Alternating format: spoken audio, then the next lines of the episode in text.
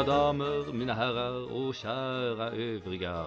Bordet är dukat med det andra avsnittet av Fina Glosan. Podden som alkemiskt förvandlar din tunga från kött, senor och slem till det puraste guld. Jag som har utnämnt mig själv till toastmaster för de språkliga festligheterna heter Frej von Fräsens och Lorensburg. Jag är konstnär, författare och furste av den trollska mikronationen Lorensburg. Förra veckan spred Sveriges Television och Dagens Nyheter en lista med tusen och ett ord som hotas av utrotning ur svenska språkets ekosystem.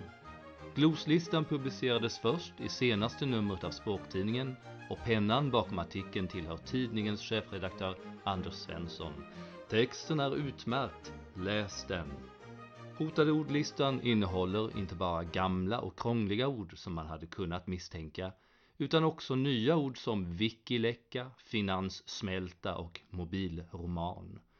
De här språkliga opportunisterna har höjt sig över undervegetationen vid något tillfälle men dessvärre, eller dessbättre, misslyckats med att rota sig tillräckligt djupt och nu riskerar de alltså att försvinna. Andra ord i farozonen har hängt med så länge att de har tappat all relevans. För vem betalar jordskyld i dessa dagar? Och hur ofta serveras njursauté som kvällsgott vid fredagsmyset? Somliga ord går som spöken genom språket. En gång i årtiondet står de upp ur sina gravar, jämrar sig och skramlar med kedjorna, kanske i en essä eller diktsamling författad av någon av stjärnbilderna i Svenska Akademins adertonindelta djurkrets. Det är inte otänkbart att adjektivet junonisk, verbet strangulera eller substantivet Jakobskamp får falla som meteoritregn från de utomzodiakiska konstellationerna Björn Ranelid, Ann Jäderlund, Bob Hansson eller, för all del, från den vandrande stjärnbilden Syndabocken som i detta nu rör sig bort från galaxens centrum. Ord tänds på himlen, en dag ska de slockna. Somliga av dem stämmer upp i högtravande svanesång innan de dör en utdragen operadöd på kultursidor, bloggar och poddar. Andra smäller högt och sprider sina bokstäver för vinden efter en kort men intensiv karriär i kommunikationens tjänst. Åter andra ord blinkar till och tonar ut i intet. Möbelhundar och galgfåglar, vagnbjörnar och beskällare är loppbitna ord som göms undan i sina burar tills de tvingas in i manegen av någon grym poet eller språkdomptör. Det skadar ju ingen att vi håller igång livsprocesserna i orden lorgnett, köttklister och bornyr. Må de leva länge i korsord och estradpoesi. För att återgå till Anders Svenssons artikel. Språket är ett muterande väsen. Det består av urgamla uttryck, tillfälliga besökare, blandspråkiga hybrider och frankensteinska grammatiska hopkok som överlever mot alla odds. Den enda avgörande faktorn när det kommer till ordens livskraft är huruvida de används eller inte. Nya eller kontroversiella ord och uttryck kommer i bruk allt eftersom folk inlämnar dem i sitt vokabulär och gamla trotjänare som inte syns, hörs eller drar sitt strå till stacken i vardagskommunikationen sparkas skoningslöst ur alla officiella ordlistor. Det finns tyvärr ingen nåd eller urskiljning i den här processen. Ordens ålder eller skönhet utgör ingen grund för hjärtats eller tungans medlidande, särskilt inte i dessa tider då allt högstämt och dekorativt har blivit omodernt. Det är som att vi har glömt den särskilda visdom som göms i snirklar och krusiduller. Det tar nämligen tid för ögat att följa den böljande linjen i rokokosoffans ryggstöd eller att knyta och sedan knyta upp tungans band i blomstrande formuleringar. Det har alltid varit fint att ha tid över.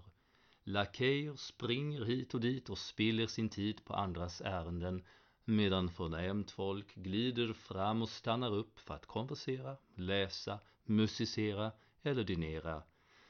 Om du har en äkta ambition att vara elegant måste du sänka farten och fylla din tid med aktiviteter som anstår en gentleman, gentlehon eller gentlehen.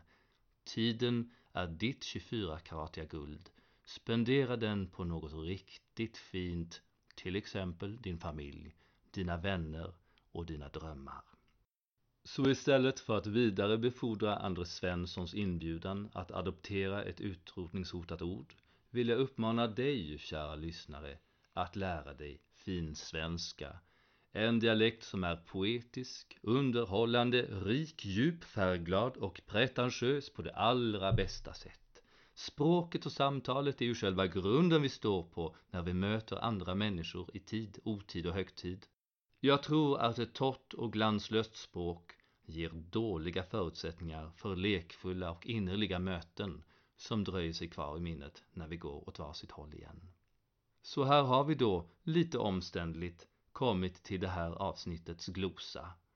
Den vibrerar både av mytologisk kraft och det mänskliga hoppet om odödlighet och lycka. Jag tror att de utrotningshotade orden hade hoppats på samma sak om de hade kunnat tänka och känna förstås.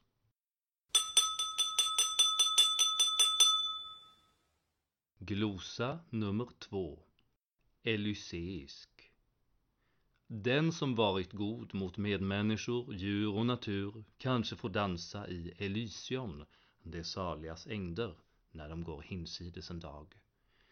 De gamla grekerna och romarna trodde på ett paradis av evig lycksalighet och där fick halvgudar, hjältar och andra upphöjda själar vila ut efter det jordiska livets vedermödor.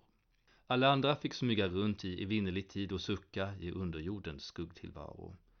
Rent geografiskt var det Elyseiska paradiset beläget på jordens yttersta västra strand eller på några öar ute i Atlanten.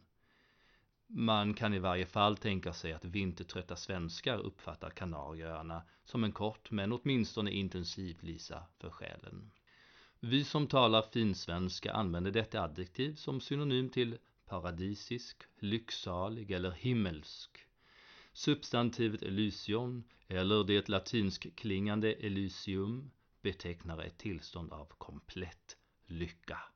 Exempel 1. Åh, är det inte rent elyseiskt att få borra ner tårna i sanden och sedan stå och spä ut över solnedgången? Exempel 2.